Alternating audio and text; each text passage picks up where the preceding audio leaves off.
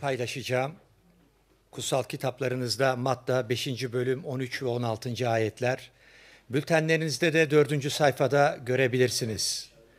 Yeryüzünün tuzu sizsiniz ama tuz tadını yitirirse bir daha ona nasıl tuz tadı verilebilir? Artık dışarı atılıp ayak altında çiğnenmekten başka işe yaramaz. Dünyanın ışığı sizsiniz. Tepeye kurulan kent gizlenemez. Kimse kandil yakıp tağıl ölçeğin altına koymaz. Tersine kandilliğe koyar. Evdekilerin hepsine ışık sağlar. Sizin ışığınız insanların önünde öyle parlasın ki iyi işlerinizi görerek göklerdeki babanızı yücelsinler. Amin. Bu Rabbin sözleridir. Şimdi vaaz metnini paylaşmak için, vaazı paylaşmak için Simon abi davet ediyoruz. Çok teşekkürler. Hakan. Sizleri çok özledim. Ee, Üç hafta yoktum. Ee, Sizleri çok özledim. Hepinizi çok özledik.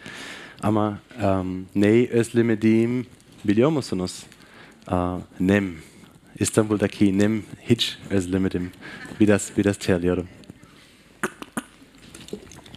Arası, ara sıra su içmem lazım. Evet ben Simon ve ben size bugün vaaz vereceğim. Büyük bir umut benim için.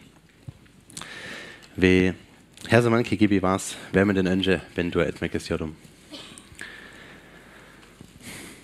Ya göklerdeki babamız, sana teşekkür ederiz. Yine beraber burada olabildiğimiz için, senin sözünü yine dinleyebildiğimiz için sana şükrediyoruz. Lütfen bugün hepimize konuş. İsa Mesih adıyla dua ediyorum. Amin. Clark Kent'i tanıyor musunuz? Kendisi Superman. Kurgusal bir çizgi roman karakteri. Muhtemelen filmleri de görmüşsünüzdür ya da duymuşsunuz ya da izlemiş, izlemiş olabilirsiniz. Superman filmdeki, e, Superman'in filmdeki görevi nedir? İnsanlara yardım etmek ve onları kötülüklerden korumak.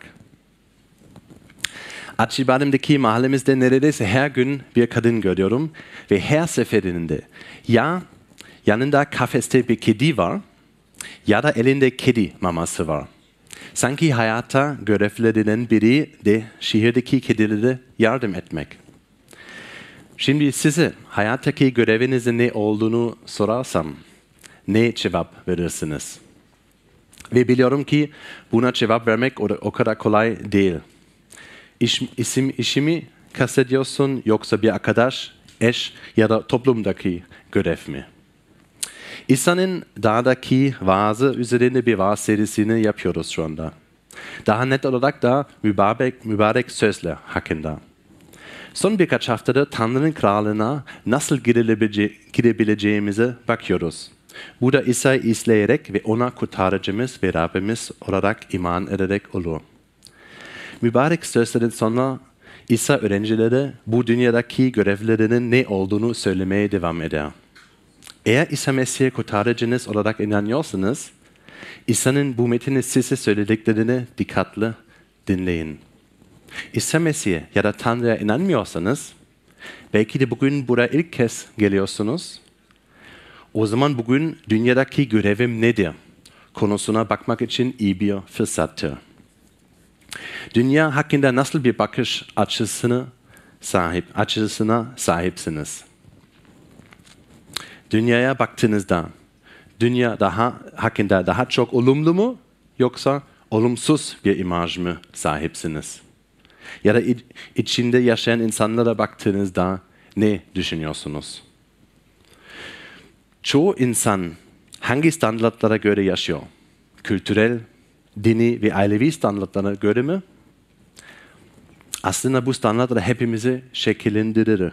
Fakat biz de hayatımız üzerinde kendi yetkimiz olsun isteriz. Değil mi? Peki bu gerçekten böyle olabiliyor mu? Peki değil. Değil mi? Dünya kendi standartlarımıza baktığımızda kolayca ne olabilir? Ya tamamen kötümser ya da aşırı iyimser olabilir. İnsanlık tarihinin gelişimine orada zaten neler olduğuna bakın. Bugün incelediğimiz metin bize Hristiyan olmanın ne boş e, ne boş bir iyimserlik ne de karanlık bir kötümselik olduğunu gösteriyor. Bunun nedeni de şudur. Bu İsa ile ilgilidir. Onu izlemekle ilgilidir. İsa aracılığıyla Tanrı'nın krallığına girebiliriz. İsa Mesih'e inanırsak onun bir parçası olabiliriz. Ve bunu yaparak Tanrı, Tanrı'nın dünyayı yarattığında olmasının istediği gibi dünyanın değişmesine yardımcı olabiliriz. İsa'nın öğrencileri de dünyada tuz ve ışıktır. Bu ayetlerde söylenen budur. Ve size üç düşünce getirdim. Ee, elinizdeki bülteninde okuyabilirsiniz. Işığa ihtiyaç duymak, gerçek ışığı görmek ve ışık gibi parlamak. Birinciyle başlayalım. Işığa ihtiyaç duymak. Metne bakalım. Ayet 13. Yeryüzünün tuzu sizsiniz. Ama tuz tadını yitirirse bir daha ona nasıl tuz tadı verilebilir? Artık dışarı atılıp ayak altında çiğnenmekten başka işe yaramaz. Tuz ne için kullanılırdı? Tuz kullanmanın önemli bir nedeni et muhafaza etmekti. Tuz olmadan et sıcakta çok çabuk bozuluyordu. Ve ayet 14-15 okuyacağım. Dünyanın ışığı sizsiniz. Tepeye kurulan kent gizlenemez. Kimse kandil yakıp tahil öleceğinin altına koymaz. Tersine kandiliye koyar. Evdekilerin hepsine ışık sağlar. İsa ne, ne tür bir ışıktan bahsediyor? Yağ dolu lambalardan. Yağ lambaları. İsa burada diyor ki kandilin görünür olmasına lazım. Siz elektriğe gittiğinde mumu görünmeyecek bir yere mi koyuyorsunuz? Görünür bir yere mi? İşte burada diyor ki kandil görünüyor olması lazım. O zamanla elektrikler, yani elektrik işi olmadan yaşamak nasıl bir şeydi? Gelecek derin bir karanlık vardı. Özellikle de gökyüzlü bulutlu, gökyüzü bulutlu olduğunda ışık olmayınca yolunu bulmakta zorlanırdın. Bir nevi oryantasyon bozukluğu vardı. İs gibi. İsa ışıksız ve tutsuz, tutsuz dünyanın giderek daha fazla dağıldığını söylüyor. Her şey gittikçe daha büyük bir oryantasyonsuzluk var. Tuz olmadan dayanıklılık, dayanıklılık olmaz ve ışık olmadan karanlık olur. Her şey yıkılır. Yaşamlarımıza ve toplumumuza bakın. Bedenlerimize bakın. Yaşlanıyoruz ve sonunda fiziksel olarak öleceğiz. İnsanlarda ölüm oranı yüzde yüz. İlişkilere bakın. İlişkiler ancak çabalay, çabayla bir arada tutulabilir. Bunun için çalışmak gere gerekiyor. Bir arkadaşlıkta hiçbir şey yapamazsınız. Ne olur? Dağılır mı? Eşlerin biri ilişkiye önem vermeyi bıraktığı için kaç evlilik sona ermişti? Ya da aldatma, şiddet ya da başka şeyler yüzünden. Birlikte yaşayan farklı etnik gruplarına, gruplara bakın. Irkçılık ne kadar çabuk ortaya çıkıyor. Bölünmeler ne kadar çabuk gerçekleşiyor. İnsanlık tarihine bakın. İkinci Dünya Savaşı'nda milyonlarca insan farklı ülke vatandaşı oldukları için öldürüldüler. Çaba ile bir şeyler bir arada tutabilir. Dünyada çok fazla karanlık var. Bunu herkes görebilir. Birini sevmediğiniz halde onu sevmek çok zordu. Belki şimdi söylediklerimin kulağa oldukça olumsuz, oldukça umutsuz geldiğini düşünüyorsunuz. Dünyada gördüğümüz şey yalnız bırakılan şeylerin parçalandığıdır. Kutsal kitap bu konuda oldukça nettir. Bundan bahsediyor. Çürümeden, kırılmadan. Karanlıkta gerçek bir ışığa ihtiyacımız var. İkinci düşünce geliyorum. Gerçek ışığı görmek. Belki de dünyada çok fazla kırılmışlık olduğu konusunda benimle aynı fikir, fikirsiniz. Ve dünyaya daha iyi bir yer haline getirmeye çalışmalıyız. Ve iyi bir insan olmak için her şeyi deniyorsunuz. Ama biliyor musunuz? Sorun başkaları değil. Sorun biziz.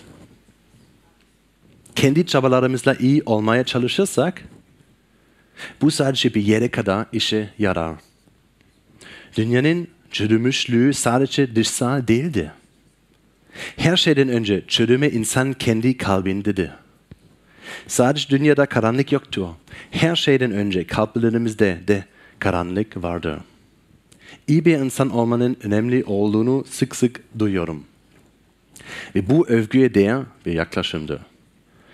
Bunu, bunu söyleyen arkadaşlarım var. Bir yandan iyi bir insan olmanın önemli olduğunu söylüyorlar.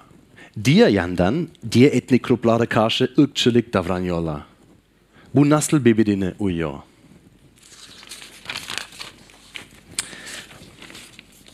Ancak gururumuz incidiğinde nasıl tepki verdiğimizi biliyor musunuz?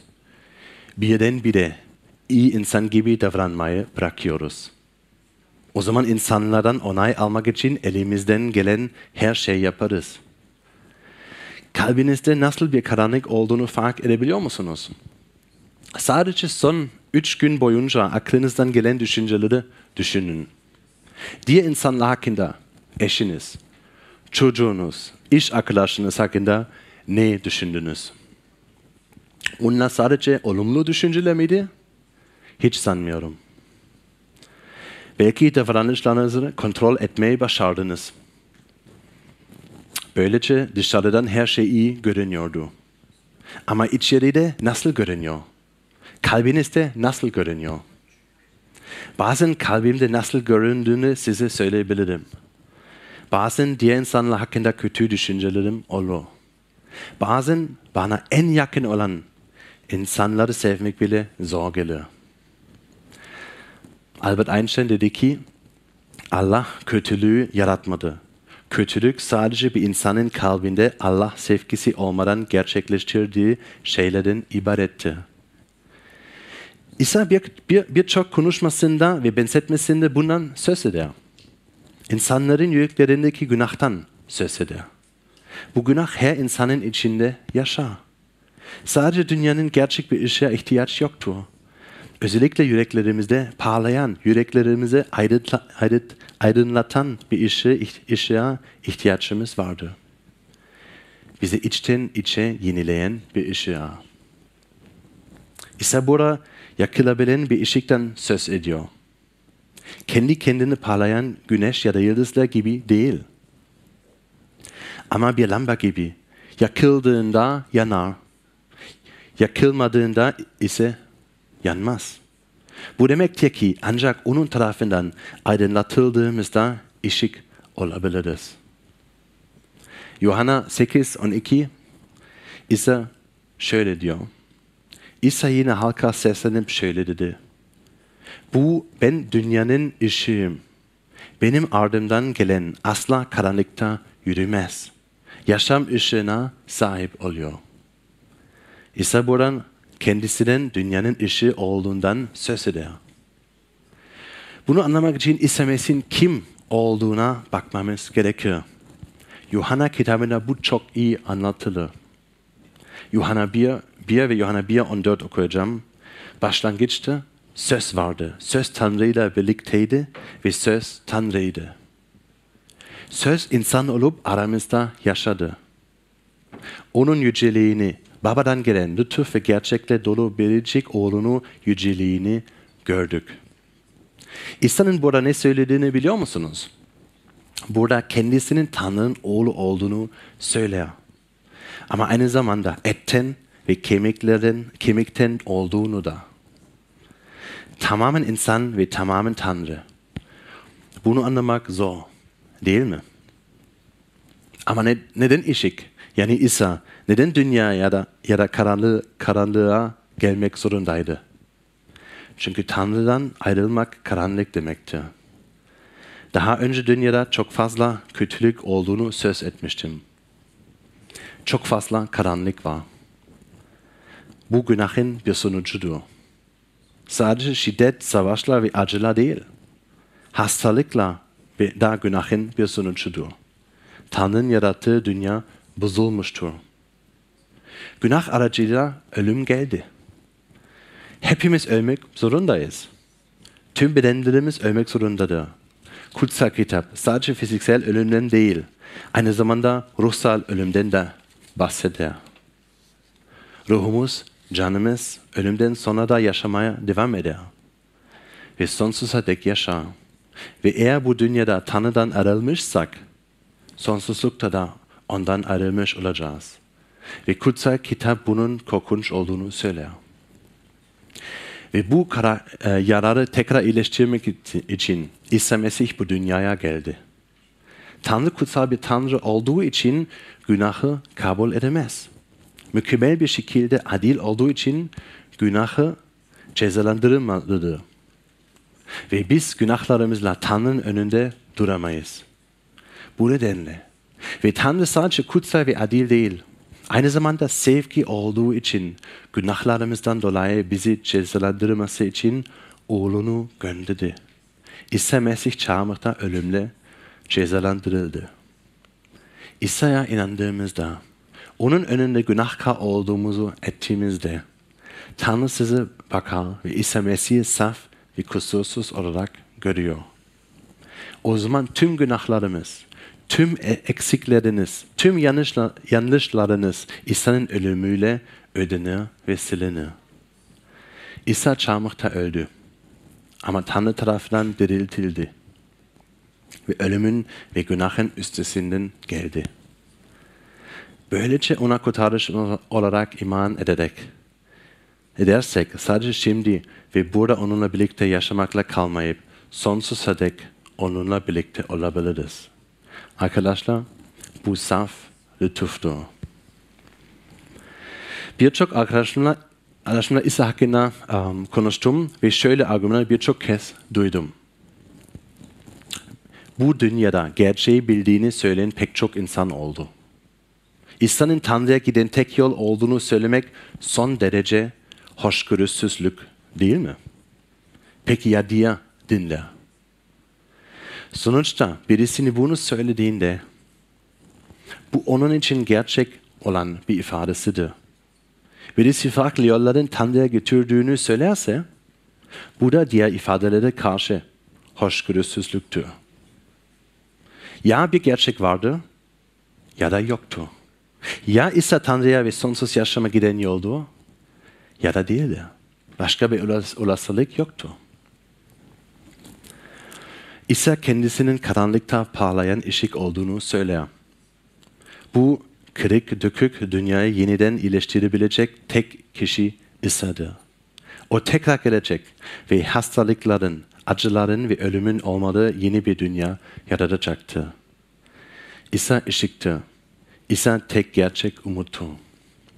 Peki ona inandığımızda ve onunla, onunla birlikte yaşadığımızda ne olur? O sizi bir ışık gibi aydınlattığında ve kutsal ruh aracılığıyla içinizde yaşadığında ne olur? Son düşünceye gelelim. Işık, İsa, pardon, ışık gibi parlamak. İsa öğrencilere dünyada tuz ve ışık olduklarını söyler. Tuz her şeyi dayanıklı hale, dayanıklı hale getirir ve ışık karanlıkta parlar. Tuz ve ışık dünyadaki kaosu gösterir ve karanlığının yerini alır. Eğer İsa Mesih'e inanıyorsanız o zaman İsa Mesih'e iman ederek ve İsa Mesih aracıyla yaşarsınız. Şimdi size ve tabii ki kendime birkaç zorlu soru soracağım. Önce birkaç kişiye sordum. Dünyanın neresinde parlak bir ışık olarak parlıyor ve tuz oluyorsunuz? Nerede insanlara herkesin farklı davranıyorsunuz? Mesih sizde nerede görünüyor? Nerede adalet için ayağa kalkıyorsunuz? Sevginiz ve nezaketinizle başkalarının kötülüklerini nerede gösteriyorsunuz? Nerede tuz ve ışıksınız? Ve başkaları dedikodu yaparken siz kimse hakkında kötü konuşmuyorsunuz. Nerede daha kötü durumda onlar için ayağa kalkıyorsunuz? Peki ya işinizde, peki ya evliliğinizde, iş, arkadaş, iş arkadaşlarınıza, eşinize, ailenize ya da arkadaşlarınıza sorsam? Tuz ve ışık olarak insanla neşe getirirsiniz. Tuz ve şey, e, tuz her şeyi lezzetli yapar. Çevrenize neşe getiriyor musunuz? Tuz da böyle diyor. Bir şeyin içeri, içeri, içine girir ve onu daha iyi hale getirir. Siz de mahallenizde gidip insanlara neşe getiriyor musunuz? Bu sorular sizi suçlu hissettirmek istediğim için sormuyorum. Bu önemli. Dinleyin. Bu sorular ben de kendime soruyorum. Ve biliyorsunuz bir Hristiyan bile hatasız değildir bir günah işlediği zamanla olur. Ancak bir Hristiyan olarak dünyada bir ışık ve tuz olabilmek için değişmeyi arzu etmelisiniz. Ve bunu kendi başınıza yapamazsınız. Sadece belirli kurallara uyarsınız, davranışlarınızı bir süreliğine değiştirmeyi başarabilirsiniz. Ama bu sizin için varlığınızı, yüreğinizi değiştirmeyecektir. Yalnızca Mesih'e olan iman size yardımcı olabilir. Çünkü o tek gerçek Tanrı ile ilişki içinde yaşayabilmeniz için günahlarınıza karşılık çalmakta öldü. Bunu ne kadar iyi anlarsınız, yani ona ne kadar çok ihtiyaçınız olduğunu ne kadar iyi anlarsınız, onun sevgisini ne kadar çok tadarsınız, o kadar çok değişirsiniz.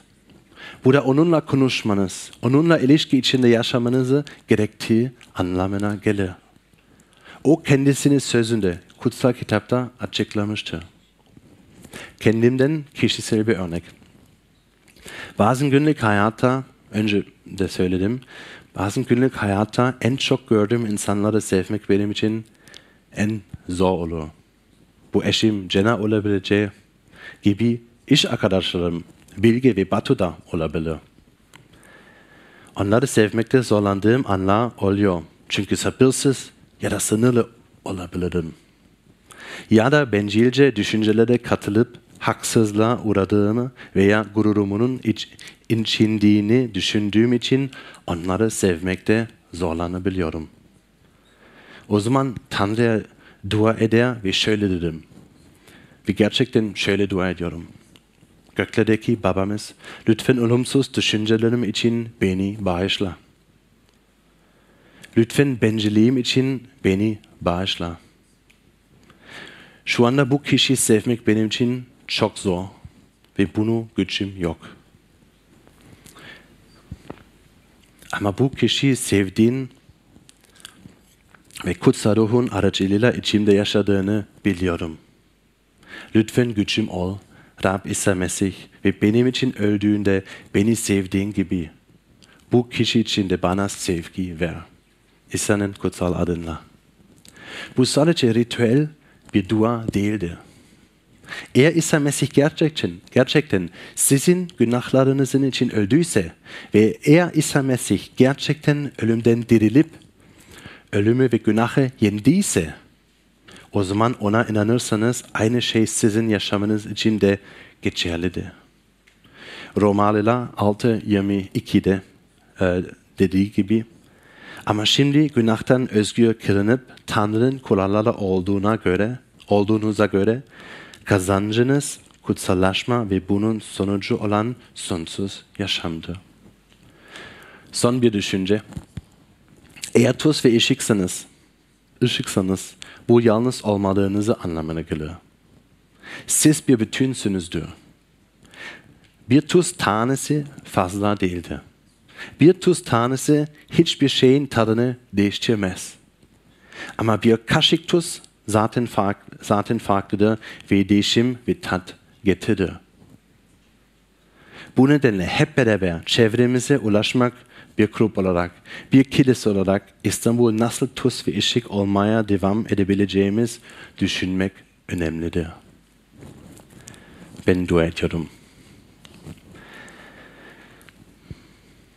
Ya göklerdeki babamız, lütfen bize yardım et.